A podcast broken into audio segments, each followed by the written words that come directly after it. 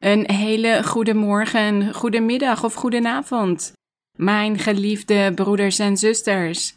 En iedereen die mee gaat doen vandaag met dit onderricht, dit evenement, dit prachtige moment dat wij hebben uitgekozen om onze God te vereren en te loven. En vandaag, zondag, hebben de meeste mensen een rustdag. Ze hoeven hun werk niet te doen vandaag.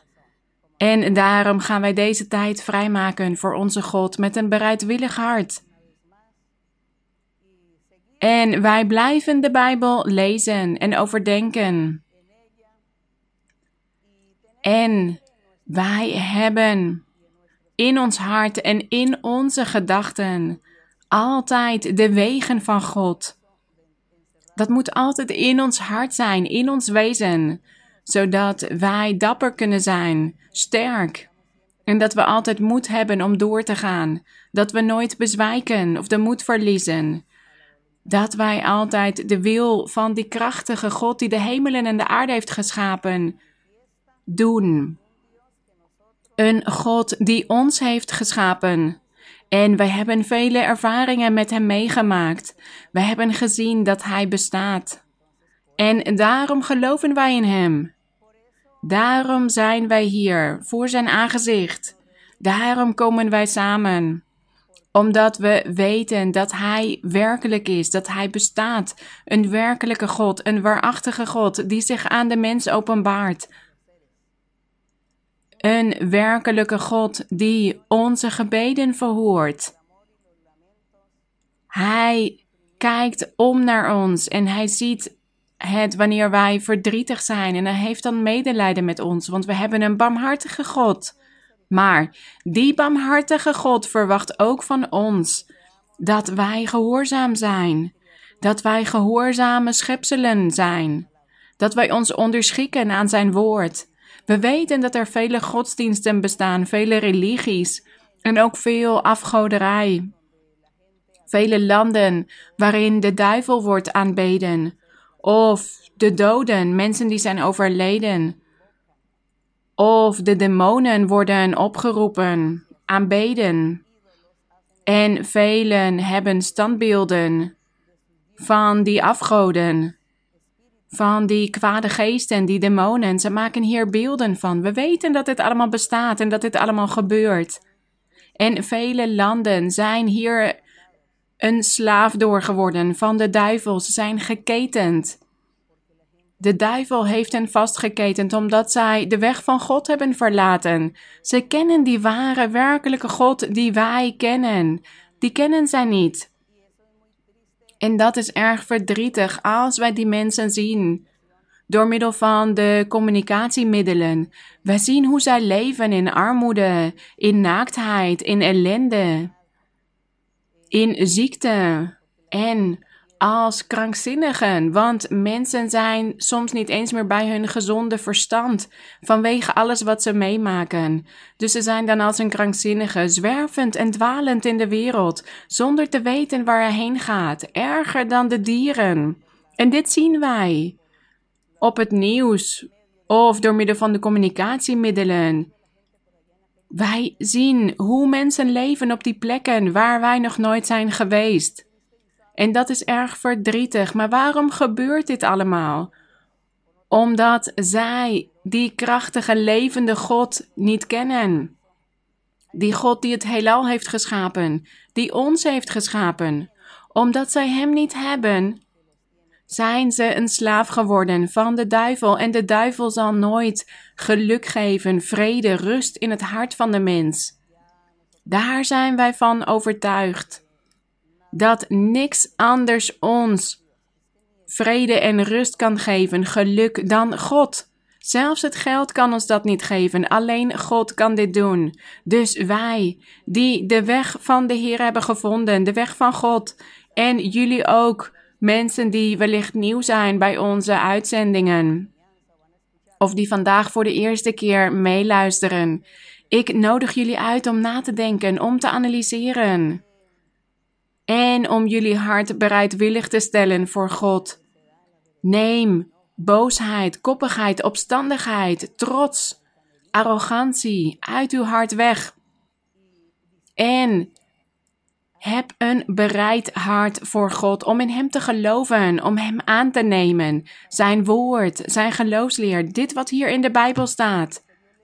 Wat God tegen de mens zei in de oudheid. Want God openbaart zich vandaag op eenzelfde manier. Daar zijn wij getuigen van. En daarom geef ik jullie deze raad. Stel jullie hart open voor God, bereidwillig, en dan zal God een wonder in uw hart verrichten, in uw leven. Hij zal u vrede en rust geven, en u zult de aanwezigheid van God in uw leven voelen. Gezegend de naam van onze Heer. Wij leven als in een hemel. En als wij het hebben over hier, dan hebben wij het niet over de fysieke aarde, maar we hebben het over ons hart.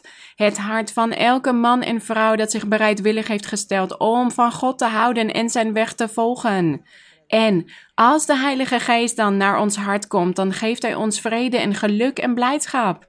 En dan vertrouwen wij op de Heer en hebben wij altijd hoop. En weten wij dat Hij alle problemen gaat oplossen in ons leven. En op welk moeilijk moment dan ook, dan zijn wij niet alleen. En daarom zeggen wij dat wij rusten in dit Kanaansland, in deze hemel. Want een hemel is een plek waar blijdschap en vreugde is. Dus wij zijn in een hemel. Want dat is wat wij meemaken. En we lezen in de Bijbel ook dat apostel Paulus een geestelijke ervaring had meegemaakt. En dat hij tot in de derde hemel werd opgenomen. Dus we weten dat er meerdere hemel, hemelen zijn wellicht drie of meer.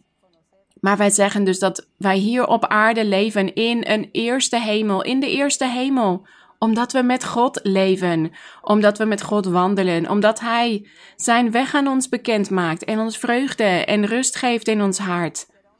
En de Heer heeft gezegd dat Zijn kerk smetteloos zal zijn, vlekkeloos, zonder rimpel, zonder smet, dat Zijn kerk volmaakt zal zijn. En dat betekent dat God zal blijven toestaan dat zijn woord verkondigd zal worden. Want er zijn vele mensen die zeggen dat de godsdienst zal ophouden te bestaan. Alle godsdiensten, maar ik geloof hier niet in, want het woord van God is betrouwbaar en standvastig. Hij zei dat hij een kerk zou vormen, een volmaakte kerk voor zichzelf, en zo zal dit zijn. Dus de mensheid. Mensen kunnen vele dingen zeggen. Ze kunnen samenkomen en dingen plannen. In om zo tegen de godsdienst in te gaan. Of om tegen God op te staan. Maar God zal niet toestaan dat zij hun doelen bereiken. Want Hij heeft vele beloften gedaan. En we hebben altijd zijn beloften vervuld zien worden. Hij heeft zijn woord altijd vervuld en hij zal dit blijven doen. Dus wij hebben die levende God, die werkelijke God. En wij die in Hem geloven, wij die samenkomen als Zijn kerk, wij die al geestelijke ervaringen hebben meegemaakt, de gaven die God ons heeft gegeven, de Heilige Geest in ons hart, wij hebben daarvan genoten, wij genieten daarvan en we horen dus door te gaan in deze strijd. Want wij moeten blijven strijden voor het eeuwige leven. En daar gaan we het vandaag over hebben, over dat erfdeel dat God ons heeft beloofd.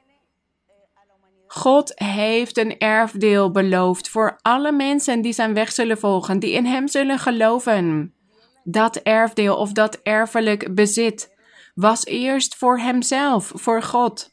Maar zijn volk, het volk van God, zal ook erfgenamen worden. Want hij had gezegd: Ik wil een volk voor mij vormen dat mij looft en dat mij prijst. En hij had Mozes als leider aangesteld en vele capaciteiten gegeven om zijn volk te leiden.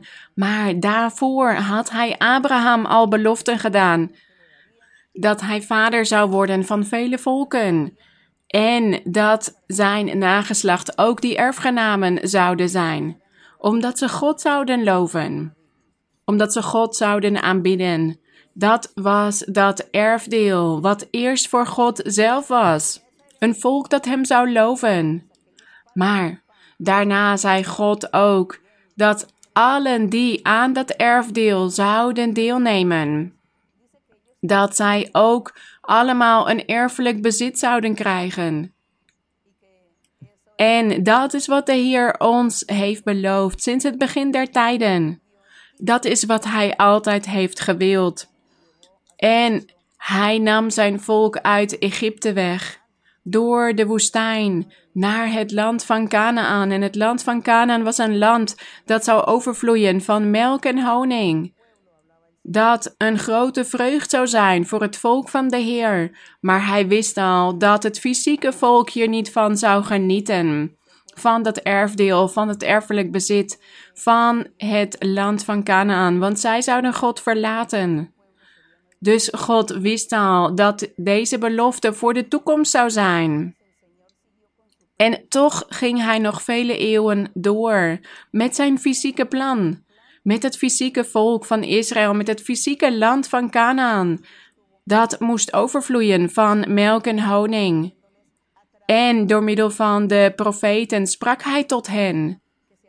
Dat ze afstand moesten nemen van de zonde, dat ze goed moesten leven, dat ze zijn geboden in acht moesten nemen, dat ze de wet van Mozes moesten volgen, zodat ze gelukkig zouden kunnen zijn, want dat is wat God had gewild dat degenen die in het fysieke land van Canaan woonden, dat zij dat geluk en die rust zouden vinden. Maar dit is nooit gebeurd. En wij zijn vandaag een nieuw tijdperk aan het beleven. Want dit is niet meer het tijdperk van de wet van Mozes, maar nu het tijdperk van het geloof, van het evangelie van de Heer Jezus Christus, van die Messias die God in de oudheid had beloofd. Dat tijdperk zijn wij vandaag de dag aan het beleven. En God zegt dus nog steeds tegen ons: strijd voor je eeuwig erfdeel. Strijd voor dat erfdeel, dat erfelijk bezit dat ik voor je heb. En je kan daar nu al van genieten. Je kan daar nu al gaan wonen in dat land van Canaan, maar dan op een geestelijke manier. En blijf strijden, zodat na je dood, na je overlijden, dat je dan je erfdeel volledig zal ontvangen. In volheid, het eeuwige leven. Dus strijd voor je erfdeel. Dat is wat God tegen ons zegt. Strijd voor je erfelijk bezit, dat wat ik jou heb beloofd. Strijd daarvoor. Wandel in het land van Canaan en blijf daarin wandelen. Zo beleven wij die eerste hemel met God hier op de aarde. En daarna zullen wij het eeuwige leven kunnen verkrijgen. En vandaag gaan wij dus al deze dingen in herinnering brengen. Want de broeders van de kerk, die kennen dit al. Degenen die al langere tijd in de kerk zijn, die weten dit al. Maar ik onderwijs dit en ik herhaal dit en ik blijf dit herhalen. Want de broeders en zusters moeten ook leraars en leraressen van het woord van God worden. En daarom moeten we dit altijd blijven herhalen. En voor de mensen die nieuw zijn, zal dit een nieuw onderricht zijn. En ik nodig jullie ook uit om ook van God te gaan houden. Want het is prachtig, het woord van God dit te lezen en te overdenken en de wil van de Heer te doen. Dat is het prachtigste wat een mens kan meemaken in zijn leven. Dat is het allermooiste voor de mens. Dus laten we naar Genesis gaan. Genesis hoofdstuk 12. Laten we gedenken wat er met Abraham was gebeurd. In Genesis hoofdstuk 12, vers 7 gaan we lezen. Maar Daarvoor staat er dat God Abraham riep. En wat was die roeping? Hij deed hem een belofte, een prachtige belofte. En vergeet niet dat we het vandaag gaan hebben over het erfdeel dat God voor ons heeft, dat erfelijk bezit, om dit in het eeuwige leven te kunnen ontvangen. Maar vergeet niet dat wij dit hier op aarde al moeten meemaken vanwege de aanwezigheid van de Heer en de Heilige Geest in ons leven. Wij leven hier al in de eerste hemel. Dus Abraham, God had tegen Abraham gezegd dat hij uit zijn land moest vertrekken. Dat hij zijn familie moest achterlaten en naar een land zou gaan dat God hem zou wijzen. En we lezen dat hij gehoorzaam was. Hij was God gehoorzaam en hij ging op weg zonder dat hij wist waar hij naartoe zou gaan. En hij moest soms strijden tegen de mensen die hij onderweg tegenkwam, omdat ze hem niet door het land wilden laten gaan. Maar God liet hem altijd de strijd winnen. En hier in vers 7 staat er: Toen verscheen de Heere aan Abraham en zei: Aan uw nageslacht zal ik dit land geven. Dit was het land van Canaan. In die tijd was het volk van Israël nog niet gevormd. Want God sprak tot Abraham en dit was voordat het volk van Israël begon te bestaan. Maar God zei al tegen Abraham: Dit land, dit land van Canaan, zal ik aan uw nageslacht geven. En dit is een vruchtbaar land, vol zegening. En hier staat: Toen bouwde hij, toen bouwde Abraham daar een altaar voor de Heere die hem verschenen was. En hij begon de Heer aan te roepen, te aanbidden. Want God was aan hem verschenen.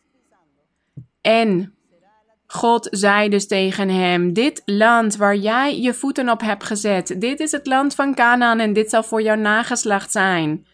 Een land dat overvloeit van melk en honing, want het zal veel zegeningen kennen. Er zal veel voorspoed zijn. Dat is wat hij tegen Abraham had gezegd, maar God wist al dat het volk hem zou falen. Dat het volk hem zou verlaten, dat ze dit niet op een fysieke manier zouden meemaken. God keek naar de toekomst toen hij dit tegen Abraham zei. Maar hij zei hier niks over tegen Abraham. Hij zei gewoon u en uw nageslacht. Terwijl hij het over een toekomst had, veel verder in de tijd.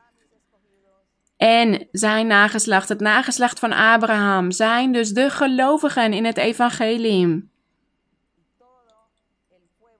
De volgelingen van de Heer Jezus.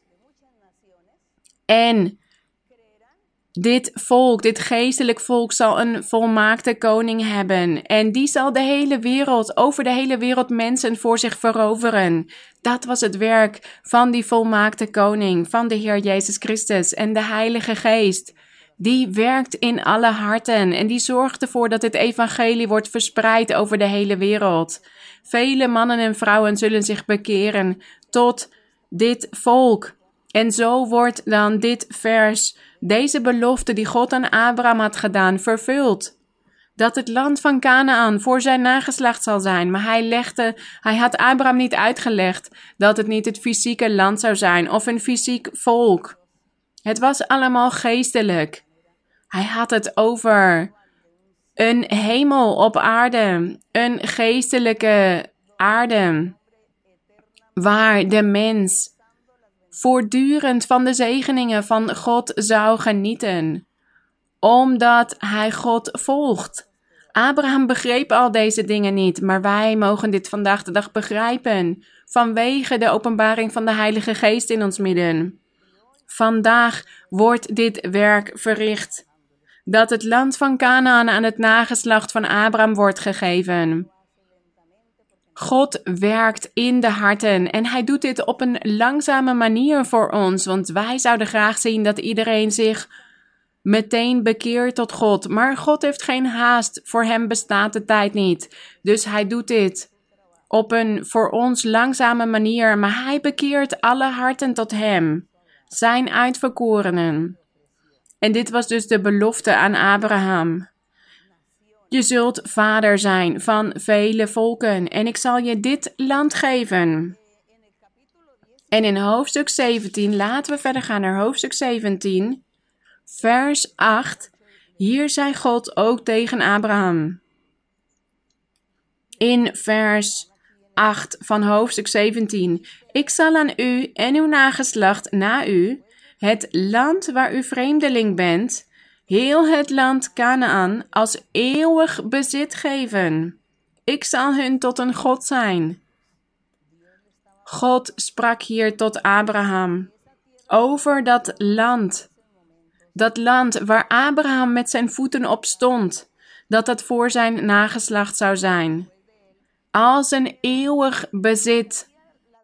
Als een eeuwig bezit, een eeuwig erfdeel, het land van Canaan. Het zou eeuwig voor hen zijn. Eeuwig, dus dat het nooit ophoudt.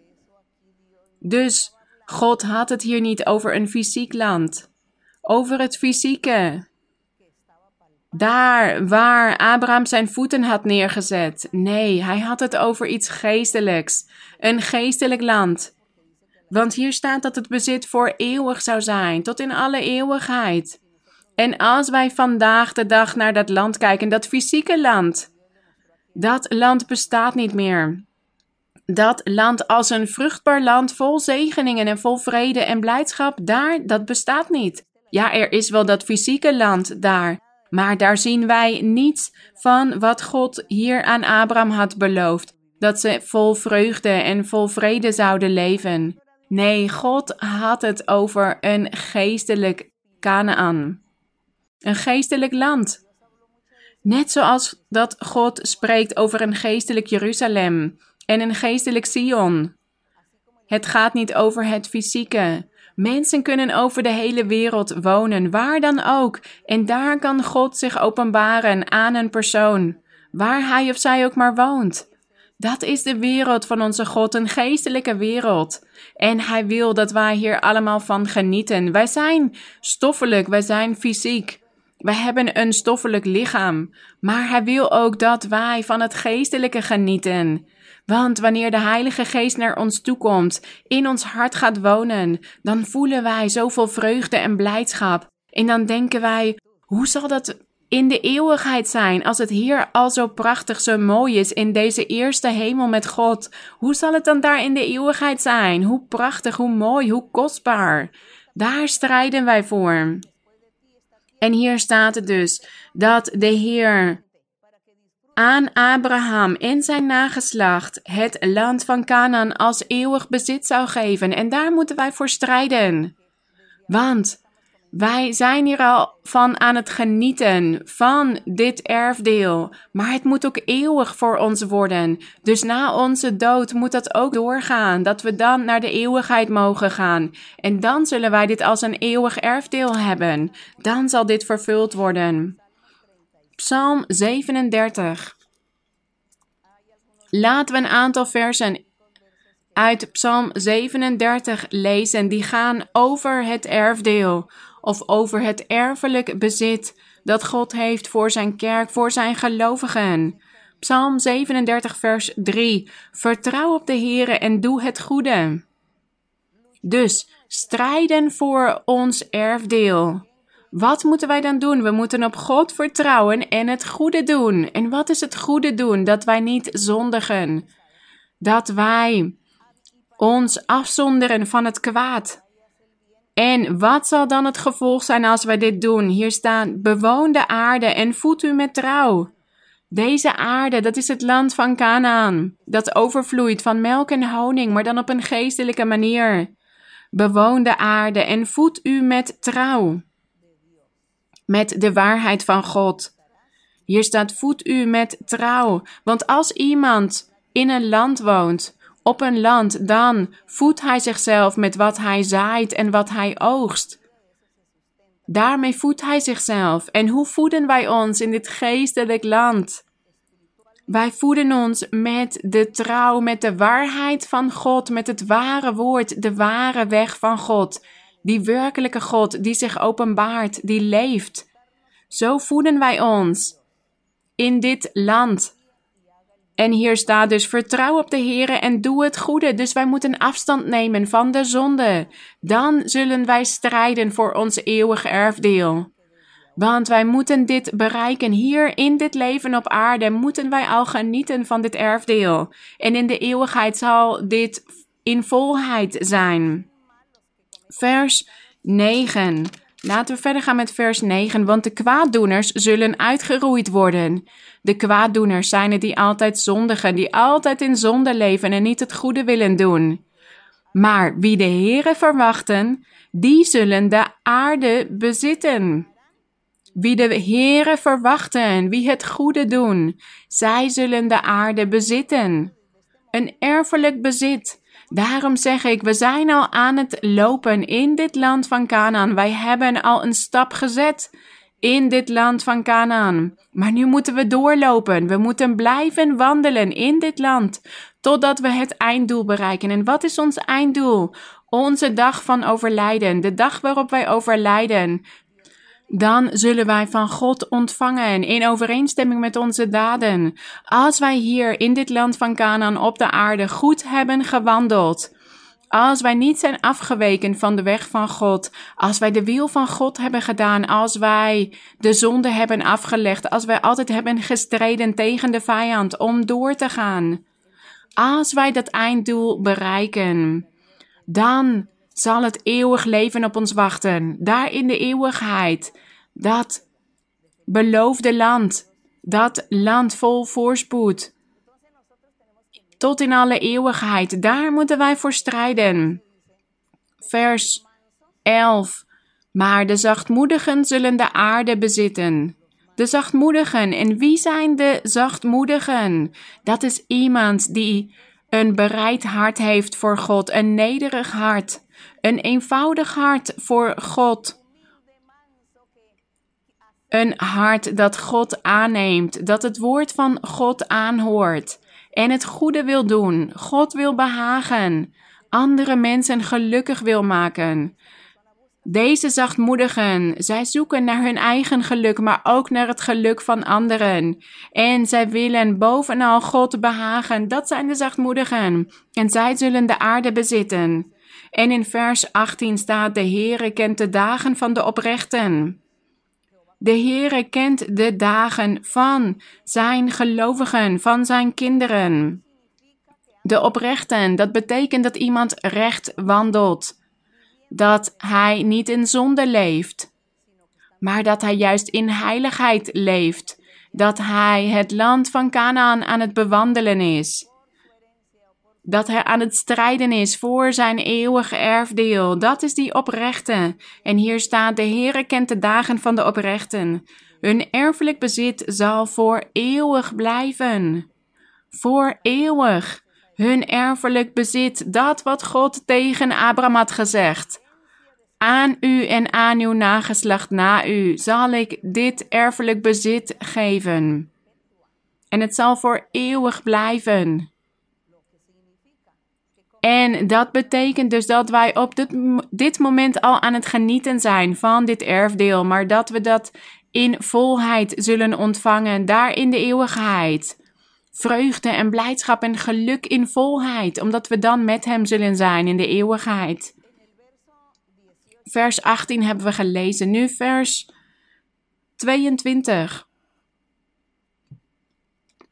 Hier staat, want wie door Hem zijn gezegend, door God, zullen de aarde bezitten. Maar wie door Hem zijn vervloekt, oftewel degene die in zonde blijven leven, die arrogant zijn, koppig, opstandig, hardnekkig, ongelovig. Die zijn vervloekt door God en zullen worden uitgeroeid. Wat een verdriet! Wat een verdriet! Mogen God barmhartig met hen zijn. Mogen God zich over hen ontfermen, zodat zij dit niet zullen meemaken. Dit pijnlijke wat hier wordt gezegd door God. Maar mogen wij allemaal door Hem zijn gezegend, zodat we de aarde zullen bezitten. Laten we allemaal strijden voor die erfenis, voor dat erfdeel. Daar waar wij al van aan het genieten zijn. Want de Heer zegt: Ja, begin er maar vast van te genieten, zodat je ziet hoe mooi dit is, hoe prachtig dit is. Dit wat ik voor je heb in de eeuwigheid zal nog veel mooier zijn. En ja, wij leven met de openbaringen van de Heilige Geest met de geestelijke gaven in ons midden en hoe God wonderen verricht en hoe Hij onze gebeden verhoort, hoe Hij ons antwoord geeft en hoe Hij ons beschermt tegen het kwaad, tegen jaloezie, tegen zoveel kwade dingen. Dat is dat wij met God aan het genieten zijn van het land van Canaan, van ons erfdeel. En als wij hier al gelukkig zijn, hoe zal het daar in de eeuwigheid zijn? Wanneer we alles in volheid mogen beleven. Dus daar horen wij van te genieten, van ons erfdeel. Maar wij moeten daarvoor strijden en we moeten weten hoe we daarvoor kunnen strijden. We moeten strijden voor dat erfdeel, waar wij dus al zijn binnengetreden in dit land, maar we moeten hierin blijven. Vers 29. De rechtvaardigen zullen de aarde bezitten en voor eeuwig daarop wonen. Ze zullen voor eeuwig daarop wonen, staat hier. Dus wij hebben die aarde al, die nieuwe aarde. Hier in ons midden, het land van Canaan.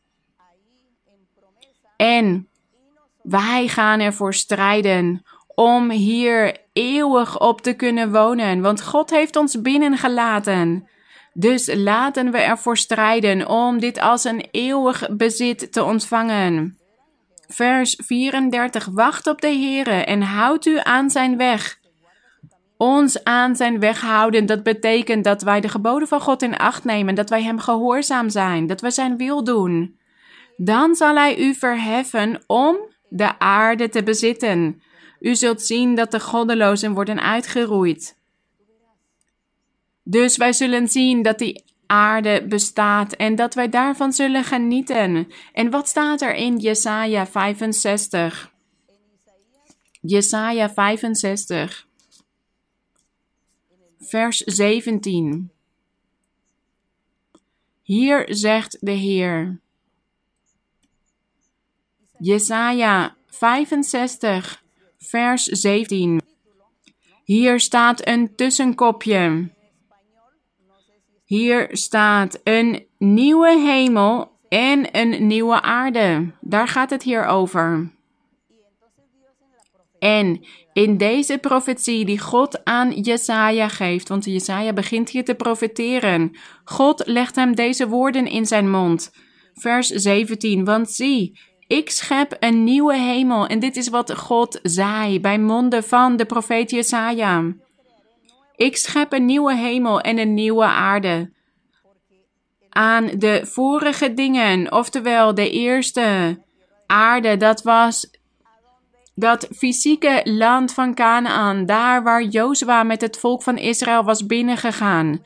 Zij waren daar binnengegaan, want God had het Mozes niet toegestaan om het land van Canaan binnen te gaan, maar Jozua had zijn werk overgenomen. En hij had het volk het land van Canaan laten binnengaan. En zij dachten dat zij dat land vol overvloed zouden betreden, waar ze alles zo konden vinden, waar alles voor het oprapen zou liggen. Dus zij waren erg verbaasd toen zij uiteindelijk het land van Canaan binnenkwamen en dat ze allemaal andere koningen tegenkwamen en volken en dat ze moesten dat ze oorlog moesten voeren, dat ze moesten strijden en dat velen overleden in die strijd. Ze hadden het niet zo verwacht dat het land dat zou overvloeien van melk en honing, dat het zo zou zijn. Ze hadden nooit verwacht dat ze daarvoor moesten strijden. Ze wisten niet dat het over een geestelijk land ging, die belofte van God. Het was deze nieuwe aarde en die nieuwe hemel die God bij monden van Jesaja aankondigde. Aan de vorige dingen zal niet meer gedacht worden, staat hier. Ze zullen niet meer opkomen in het hart. Dus deze nieuwe hemel en deze nieuwe aarde zou beginnen met de openbaring van de Heilige Geest. Dus nadat de Messias, de zaligmaker, de verlosser, zijn evangelie had verkondigd. Vanaf dat moment begon die nieuwe hemel die nieuwe aarde opgebouwd te worden. Een geestelijk land, een geestelijke aarde, een geestelijke hemel.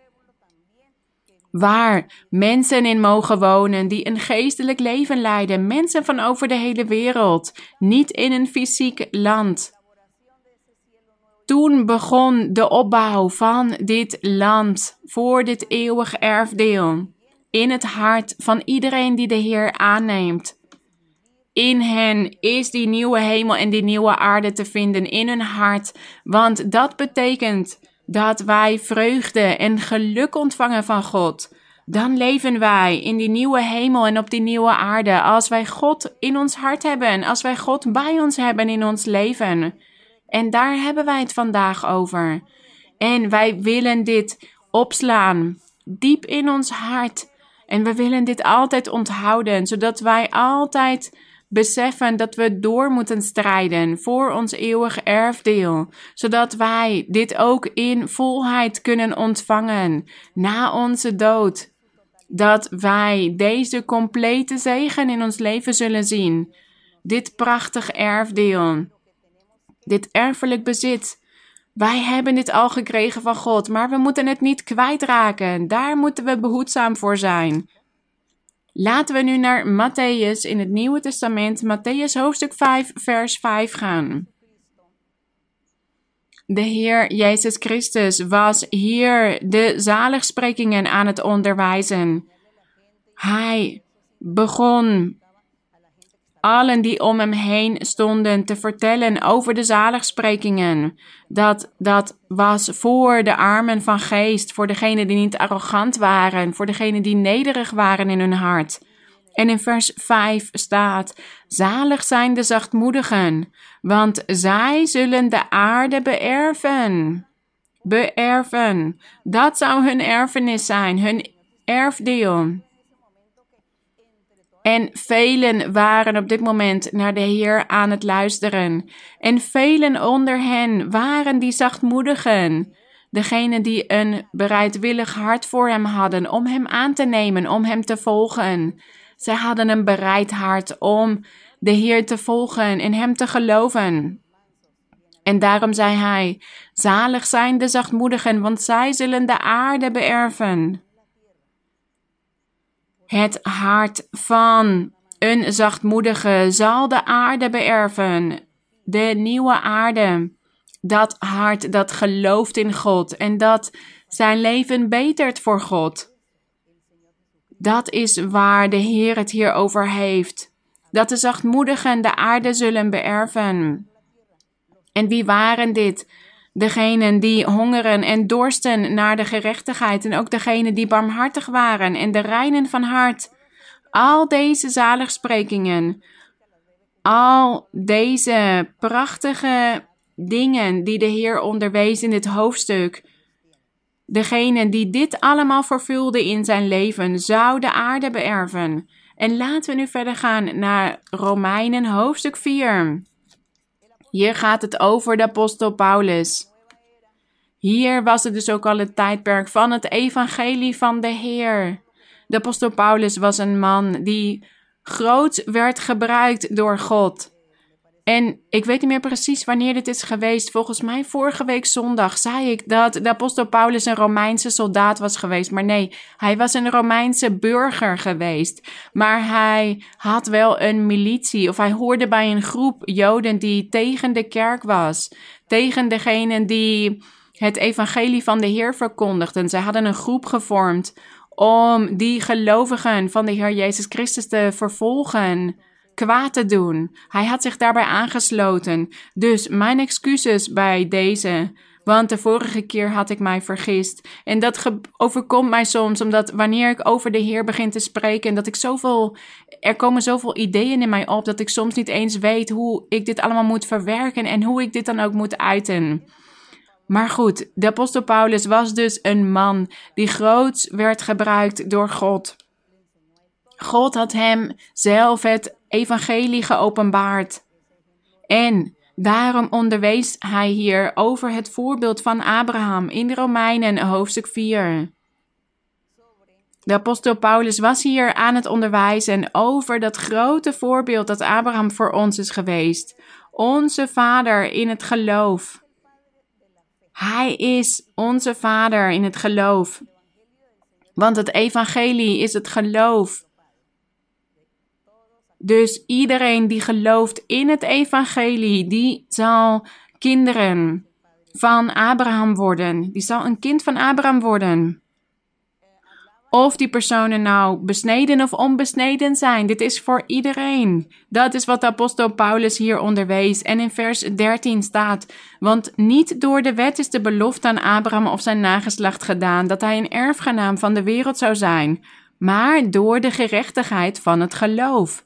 Dus hier staat dat Abraham niet de belofte van God had ontvangen door de wet van Mozes, maar hij had de belofte van God ontvangen dat hij een erfgenaam zou zijn van de wereld en ook zijn nageslacht door het geloof, niet door de wet van Mozes. En welk geloof?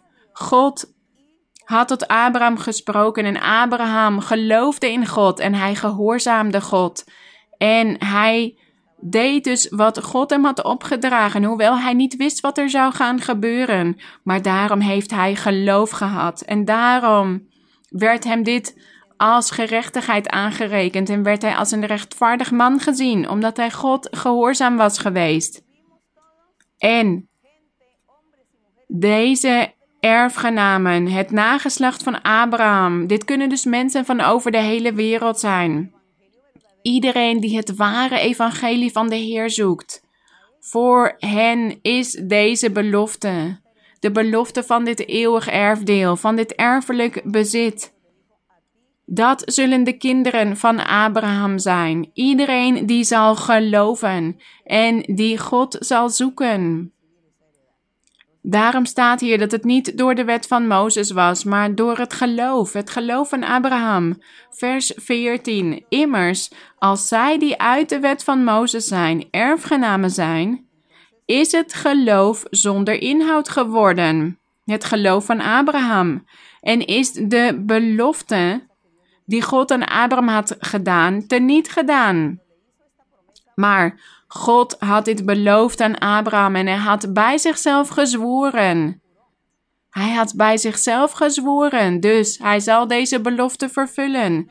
En het was dus niet door de wet van Mozes dat hij deze belofte had gedaan, maar door het geloof. En dat is het geloof dat wij vandaag de dag ook aan het beleven zijn waar wij van aan het genieten zijn. Het evangelie van de Heer Jezus Christus. Geloven dat de Heer, de gezant van God was, de Heer Jezus Christus. En dat de Heilige Geest nu in ons midden is om de kerk te vormen als een volmaakte kerk. Een smetteloze kerk. Dat is die belofte die God aan Abraham had gedaan. En wij zijn er allemaal erfgenamen van geworden. Vers 17, zoals geschreven staat. Dit is wat God tegen Abraham had gezegd. Ik heb u tot een vader van vele volken gemaakt. Dit was hij tegenover hem in wie hij geloofd heeft, namelijk God, die de doden levend maakt en de dingen die niet zijn, roept alsof zij zijn. Dus dit is wat hij tegen Abraham had gezegd. Ik heb u tot een vader van vele volken gemaakt. En dat was een belofte voor mensen dus van over de hele wereld, van vele volken staat hier. Dus iedereen die in de Heer zal geloven, in de Heer Jezus Christus, die zal het nageslacht van Abraham worden. Dus niet door de wet van Mozes, maar door het geloof van Abraham. En laten we verder gaan naar hoofdstuk 8. Romeinen hoofdstuk 8. Vers 16. Hier zegt de apostel Paulus: De geest zelf, oftewel de Heilige Geest, getuigt aan onze geest, dus aan ons wezen, aan ons. Dus de Heilige Geest getuigt aan ons allen, aan mannen en vrouwen die in God geloven, dat wij kinderen van God zijn. En als wij kinderen zijn, dan zijn wij ook erfgenamen. Erfgenamen van God en mede-erfgenamen van Christus. Wanneer wij althans met Hem lijden. Dat wil zeggen dat de Heilige Geest dus aan ons getuigt dat wij kinderen van God zijn, maar dit is alleen zo wanneer wij niet in zonde leven. Want als ik zeg, ja, ik ga naar de kerk, ik open de Bijbel, ik lees de Bijbel, ik bid tot God. Of ik ga naar de kerk, ik kom in de kerk samen, maar In mijn leven ben ik vele zonden aan het begaan op een voortdurende manier. Dan kan ik niet zeggen dat ik een kind van God ben. Nee, dan ben ik geen kind van God. Dan ben ik slechts een aanwezige in de samenkomst. Dan hou ik een stoel warm in de plek van samenkomst. En ik zeg tegen de mensen: Ja, ik ben christen, ik lees de Bijbel. Maar ondertussen leef ik in zonde. Dus ik ben dan niets, ik ben geen kind van God. Daarom staat hier dat de Heilige Geest getuigt aan ons dat wij kinderen van God zijn. En als wij kinderen zijn, dan zijn wij ook erfgenamen, erfgenamen van God en mede-erfgenamen van Christus, wanneer wij althans met Hem lijden, oftewel, wanneer wij in heiligheid leven, ons vlees offeren om niet te zondigen, dat betekent het lijden opdat wij ook met Hem verheerlijkt worden. Dus dit is die voorwaarde. Dat erfdeel of die erfenis, dat erfelijk bezit is voor de kinderen van God. En wie zijn de kinderen van God? Degene die niet in zonde leven, die de zonde niet doen, die geen zonden begaan op een voortdurende manier. Dat zijn de kinderen van God en zij hebben hun erfdeel al ontvangen hier op de aarde maar zullen dit in volheid genieten in de eeuwigheid. En laten we nu naar Galaten gaan. Galaten hoofdstuk 3. Galaten 3 vers 29. En in vers 28 zegt apostel Paulus: Daarbij is het niet van belang dat men Jood is of Griek. Daarbij is het niet van belang dat men slaaf is of vrije. Daarbij is het niet van belang dat men man is of vrouw. Want allen bent u één in Christus Jezus. Het hart, daar kijkt God naar vanaf dit moment. Dat is wat de apostel Paulus hier wilde zeggen. Vanaf dit moment kijkt God alleen nog naar het hart. Niet naar of iemand Jood is of Griek of slaaf of vrije of man of vrouw. Nee, hoe is uw hart? Is uw hart oprecht? Is uw hart heilig? Bent u afgezonderd van het kwaad? Dat is waar God naar kijkt. En hier staat in vers 29: En als u van Christus bent, dan bent u Abrahams nageslacht. En overeenkomstig de belofte erfgenamen. Die belofte aan Abraham dat hij vader zou zijn van vele volken. En dat God bij zichzelf had gezworen. Die prachtige belofte. Dus iedereen die de Heer aanneemt en deze weg beloopt in het land van Canaan, het geestelijke Canaan, dat land dat overvloeit van melk en honing. En in het geestelijke is dit echt zo, want de Heilige Geest geeft ons vreugde en blijdschap en voorspoed. Rust in ons hart, vrede. Dus de Heer was heel wijs toen hij tot Abraham sprak in die tijd. Hij wist wat er zou gebeuren in de toekomst. En wij danken onze God, want er is geen aanzien des persoons bij God. Hij is niet partijdig, hij maakt geen onderscheid. Hij kijkt naar het hart van iedereen. Hij zoekt een nederig, eenvoudig, zachtmoedig hart. Dat is wat God doet en daarom moeten wij Hem ook geven wat Hem toekomt. Laten wij Hem met een nederig hart eren, zoeken. Laten we ons onderschikken aan zijn woord, aan zijn wil. En in Hebreeën hoofdstuk 1, vers 2 staat. Of eerst in vers 1. Nadat God voorheen vele malen en op vele wijzen tot de vaderen gesproken had door de profeten. Voorheen dus, sinds het begin der tijden. Hij heeft altijd door de profeten gesproken tot zijn volk. En nu staat er, heeft hij in deze laatste dagen, oftewel in de toekomst, in onze tijd, tot ons gesproken door de Zoon. Vers 2, dat die hij erfgenaam gemaakt heeft van alles, door wie hij ook de wereld gemaakt heeft. Dus de Zoon, de Zoon van God, de Heer Jezus Christus, heeft Hij erfgenaam gemaakt van alles. En omdat wij Zijn volgelingen zijn, omdat wij Zijn voetsporen volgen, durven wij te zeggen dat wij ook dat erfdeel ontvangen hebben. dat wij al aan het lopen zijn in dit land van Canaan, in deze hemel, en dat wij standvastig willen zijn om het complete erfdeel van God te ontvangen in de eeuwigheid. En laten we even teruggaan naar Galaten, hoofdstuk 5, Galaten 5, vers 16. Galaten 5, 16. Maar ik zeg, wandel door de geest. Dit zei de apostel Paulus. En u zult zeker de begeerte van het vlees niet volbrengen. Hier sprak de apostel Paulus. En hij zei dat men een geestelijk leven moest leiden in het land van Canaan. Nu wij dus een stap hebben gezet in dit land van Canaan, moeten wij in heiligheid gaan leven. Moeten wij ons heiligen en niet de begeerte van het vlees volbrengen, dat is in zonde leven. Vers 17, want het vlees begeert tegen de geest van God in en de geest van God tegen het vlees in. En die staan tegenover elkaar, zodat u niet doet wat u zou willen. Als u echter door de geest geleid wordt, bent u niet onder de wet. Nee, want dan zal de geest u vrijmaken, zodat u een heilig oprecht leven kunt leiden. Maar als u als een slaaf van de wet wil leven, onder de wet, dan zult u altijd leven zoals hier in vers 19 staat. Dit is voor degenen die slaven zijn geworden, onder de wet. Want we hebben het vaak over dat wij de zonde moeten afleggen, dat we heilig moeten zijn dat wij in heiligheid moeten leven om het erfdeel te kunnen ontvangen.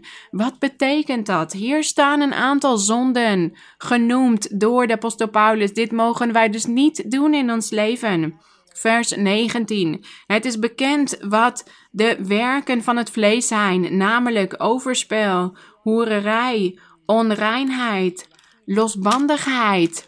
En we hebben geen tijd om al deze zonden uit te leggen, wat dit allemaal precies inhoudt. Overspel, hoererij, wat is dat en wat komt er ook allemaal uit voort? Onreinheid.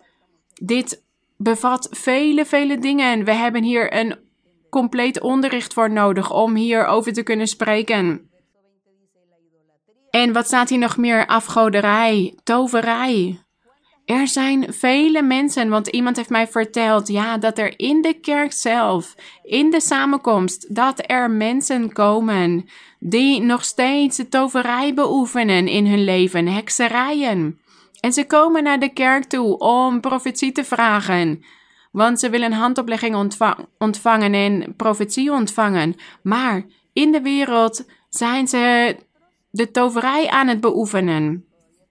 En anderen zijn afgodendienaars. Ze leven nog steeds vol afgoderij in hun leven. Bent u dan in Canaan aan het lopen? Nee, u kunt wel hier in de samenkomst zijn. Onder de kinderen van God, maar dan bent u niemand voor God. Dan zult u niets bereiken. Dan bent u niet op weg naar het eeuwige leven. Dan zult u het eeuwige erfdeel nooit ontvangen. God zal het u nooit geven als u op deze manier leeft, in zonde. En wat staat hier nog meer? Vijandschappen, ruzie, afgunst, woede-uitbarstingen. En als het hier gaat over afgunst, dan hebben wij het niet over jaloezie wellicht in een echtpaar. Dat een man en vrouw jaloers op elkaar zijn. Dan houden ze van elkaar en daarom zijn ze wellicht jaloers. Maar dit gaat over een ander soort afgunst. Over een afgunst die veel kwaad aanricht in het leven van de samenleving van vele mensen. Wat staat hier nog meer? Egoïsme, oneenigheid, afwijk, afwijkingen in de leer, jaloersheid, moord, dronkenschap. En hier zien we bijvoorbeeld moord staan. En er zijn mensen die mij vragen. Als er een vrouw is die abortus wil plegen omdat ze haar kind niet wil krijgen, is dat dan een zonde? Waarom wordt dit mij gevraagd? Als iemand een abortus wil plegen, dit is moord. Dus ik zeg dan niet dat het een zonde is of niet. Ik zeg nee, lees de Bijbel en kijk wat God hierover zegt. Dat is hetzelfde als moord plegen. Moord is niet alleen maar dat wij iemand neerschieten of dat wij met een mes iemands leven afnemen. Nee, ook abortus plegen. Als wij dit opzettelijk doen, dan is dit moord. En iemand vroeg mij ook: is euthanasie ook een zonde voor God? Als u tegen een dokter zegt dat hij het leven moet afnemen van iemand die daar in een ziekenhuisbed ligt, dan begaat u moord voor God. Wat kunt u doen? Bid gewoon tot God en vraag God om het leven van die persoon af te nemen omdat hij zo ligt te lijden en niks meer kan. Maar laat God dit bepalen, niet uzelf. Want dan is het moord. En hier staat nog meer dronkenschap, zwelgpartijen en dergelijke. Ja, daar gaan we het niet over hebben wat er allemaal gebeurt als iemand dronken is of in zwelgpartijen leeft. Daar gaan we het niet over hebben, want dat bevat zoveel dingen waar we het niet over willen hebben. En hier staat, waarvan ik u voor zeg, zoals ik ook al eerder gezegd heb, dat wie zulke dingen doen, het koninkrijk van God, luister goed, broeders en zusters, leraars en leraressen van het woord, luister goed, zodat jullie de gelovigen kunnen onderwijzen, de mensen die nieuw zijn in de kerk. Hier staat dat wie zulke dingen doen, het koninkrijk van God niet zullen beërven.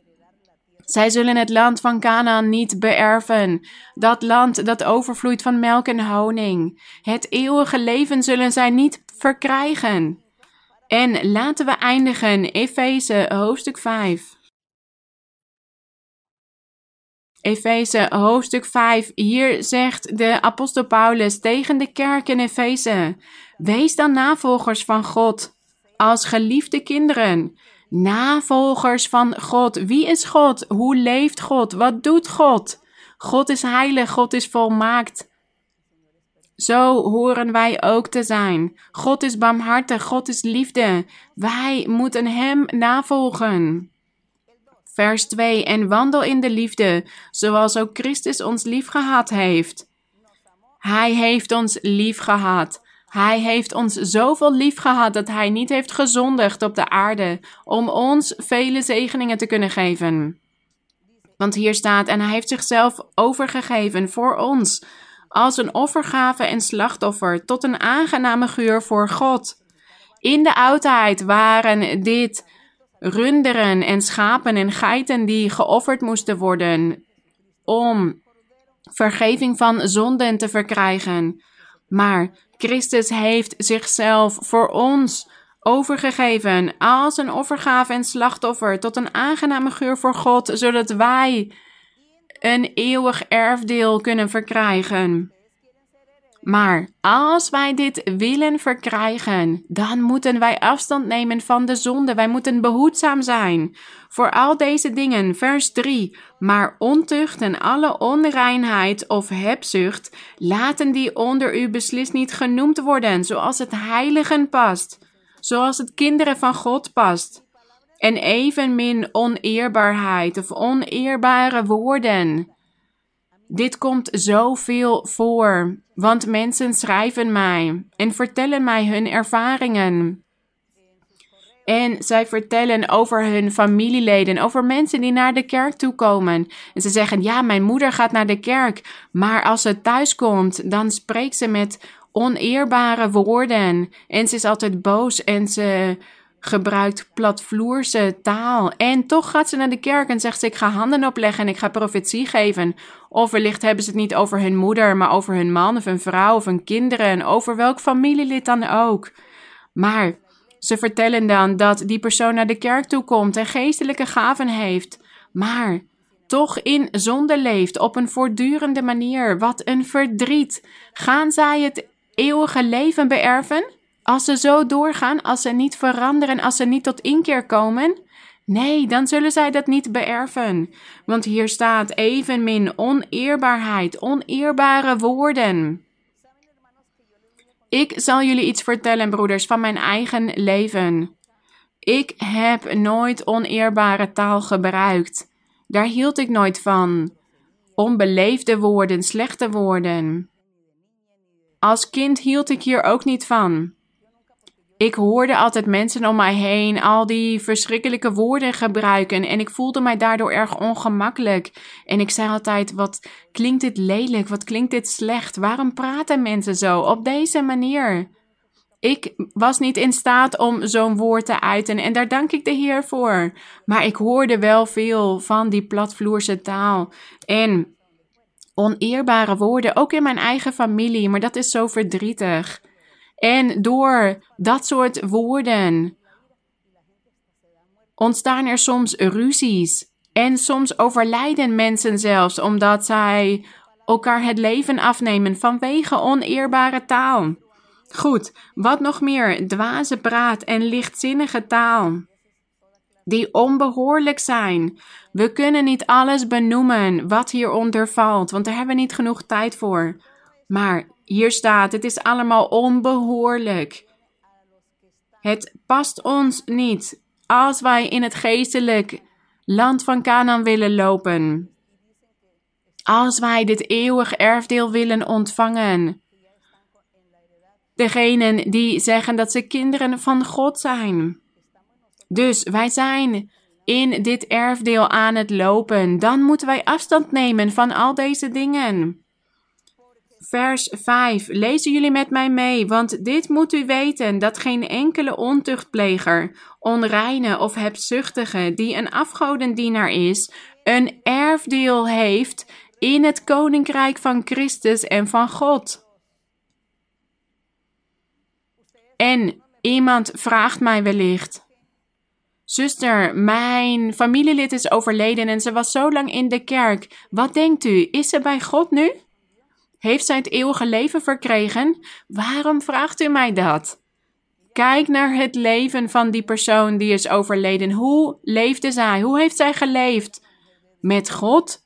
Was zij afgezonderd van het kwaad?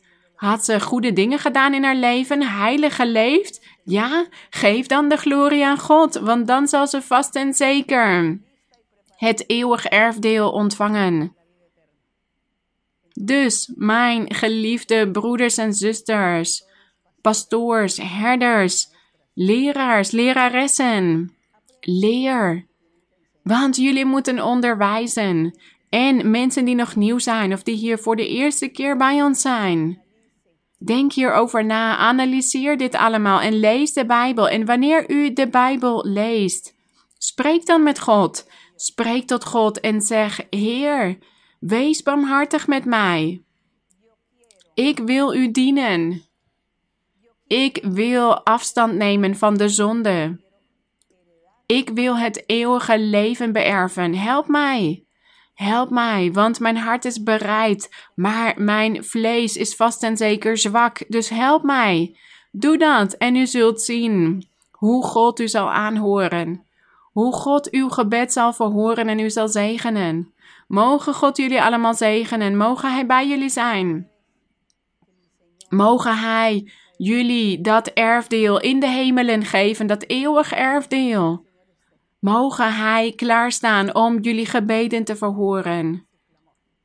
Wij danken onze God vandaag en laten we gaan bidden.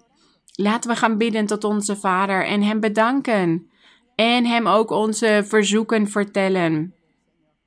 Gezegende God, mijn Vader, Vader van onze Heer Jezus Christus, de God van Abraham, van Isaac, van Jacob. U hebt zoveel beloften gedaan. En u hebt een prachtige belofte gedaan aan hen. En zij hebben uw beloften geloofd en ze hebben u gehoorzaamd en ze hebben u geloofd en geprezen. En zij hebben gewandeld op uw weg. Wij danken u, mijn Heer. Wij danken u, mijn Vader, want zoals u met hen hebt gedaan in die tijd, duizenden jaren geleden, zo doet u ook met ons vandaag de dag als die werkelijke krachtige God. U bent dezelfde gisteren en vandaag en tot in alle eeuwigheid. En u hebt zich vaak geopenbaard aan ons. U hebt ook tot ons gesproken.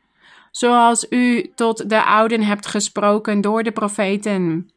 Vandaag de dag spreekt u ook tot ons door de Heilige Geest.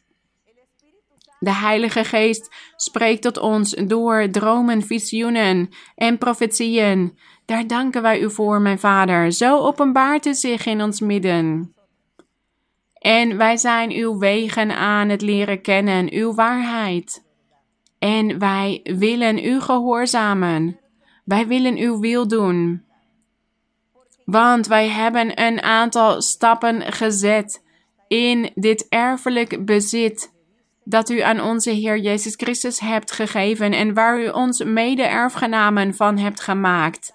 En wij willen hier blijven lopen, mijn Heer. U had die belofte gedaan.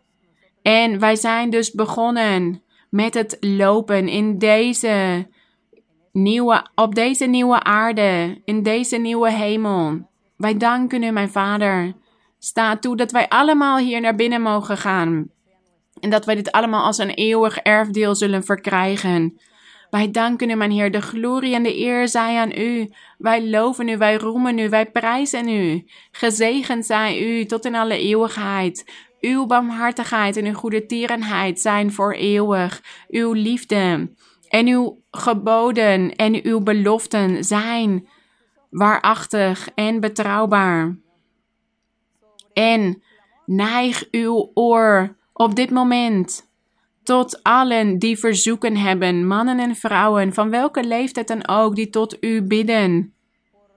Ze hebben vele verschillende verzoeken, verschillende behoeften. Sommigen zijn ziek en sommigen hebben ook dit, zijn ook ziek geworden van dit virus. Vele broeders en zusters liggen in het ziekenhuis, ook op de intensive care omdat zij dit virus hebben. Maar ik weet, mijn Heer, dat u voor hen allemaal een zegen hebt. Een beloning. En iedereen zal overlijden op de dag dat u dit wil. Niet wanneer de mens dit zegt of wanneer een ziekte dit bepaalt, maar wanneer u dat wil, mijn Heer. En er zijn vele familieleden, mijn Heer, die op dit moment aan het bidden zijn voor diegenen die in het ziekenhuis liggen. Verhoor hun gebeden, mijn Heer. En verricht het wonder in diegenen die ziek zijn. Bevrijd hen, reinig hen en mogen zij ongedeerd blijven. Gezegende God, er zijn ook vele andere ziekten en ongeneeslijke ziekten zoals kanker. Vele ziekten, mijn Heer. Vele mensen die ziek zijn, kinderen, jongeren, volwassenen, ouderen. Ik bid voor hen allemaal, mijn Heer. Want zij bidden tot u, maar zeggen soms dat u niet naar hen luistert. Maar we weten dat alles wat ons overkomt, dat het uw wil is, mijn Heer. Zegen en bevrijd en genees, mijn Heer. En wij geven u de glorie en de eer. Wij vragen u om iedereen te bevrijden die vastgebonden is door hekserijen, toverijen, geketend door kwade geesten. Breek die banden, mijn Heer, breek die ketens van de duivel. Bevrijd en reinig, mijn Heer. Wij danken u, eeuwige God. Wij danken u, hemelse Vader, in de naam van de Heer Jezus Christus, uw geliefde Zoon. Voor hem zij de glorie en de eer en de heerlijkheid tot in alle eeuwigheid. Wij danken u voor uw liefde. Wij danken u in de naam van Christus. De glorie zij aan u. Laten we koor 110 zingen. O Heer, u bent mijn God. O Heer, u bent mijn God. Ik zal u roemen en uw naam bezingen. O Heer, u bent mijn God. Ik zal u roemen en uw naam bezingen. O Heer, u bent mijn God. Ik zal u roemen en uw naam bezingen. U doet wonderen, grote wonderen. Ik zal u roemen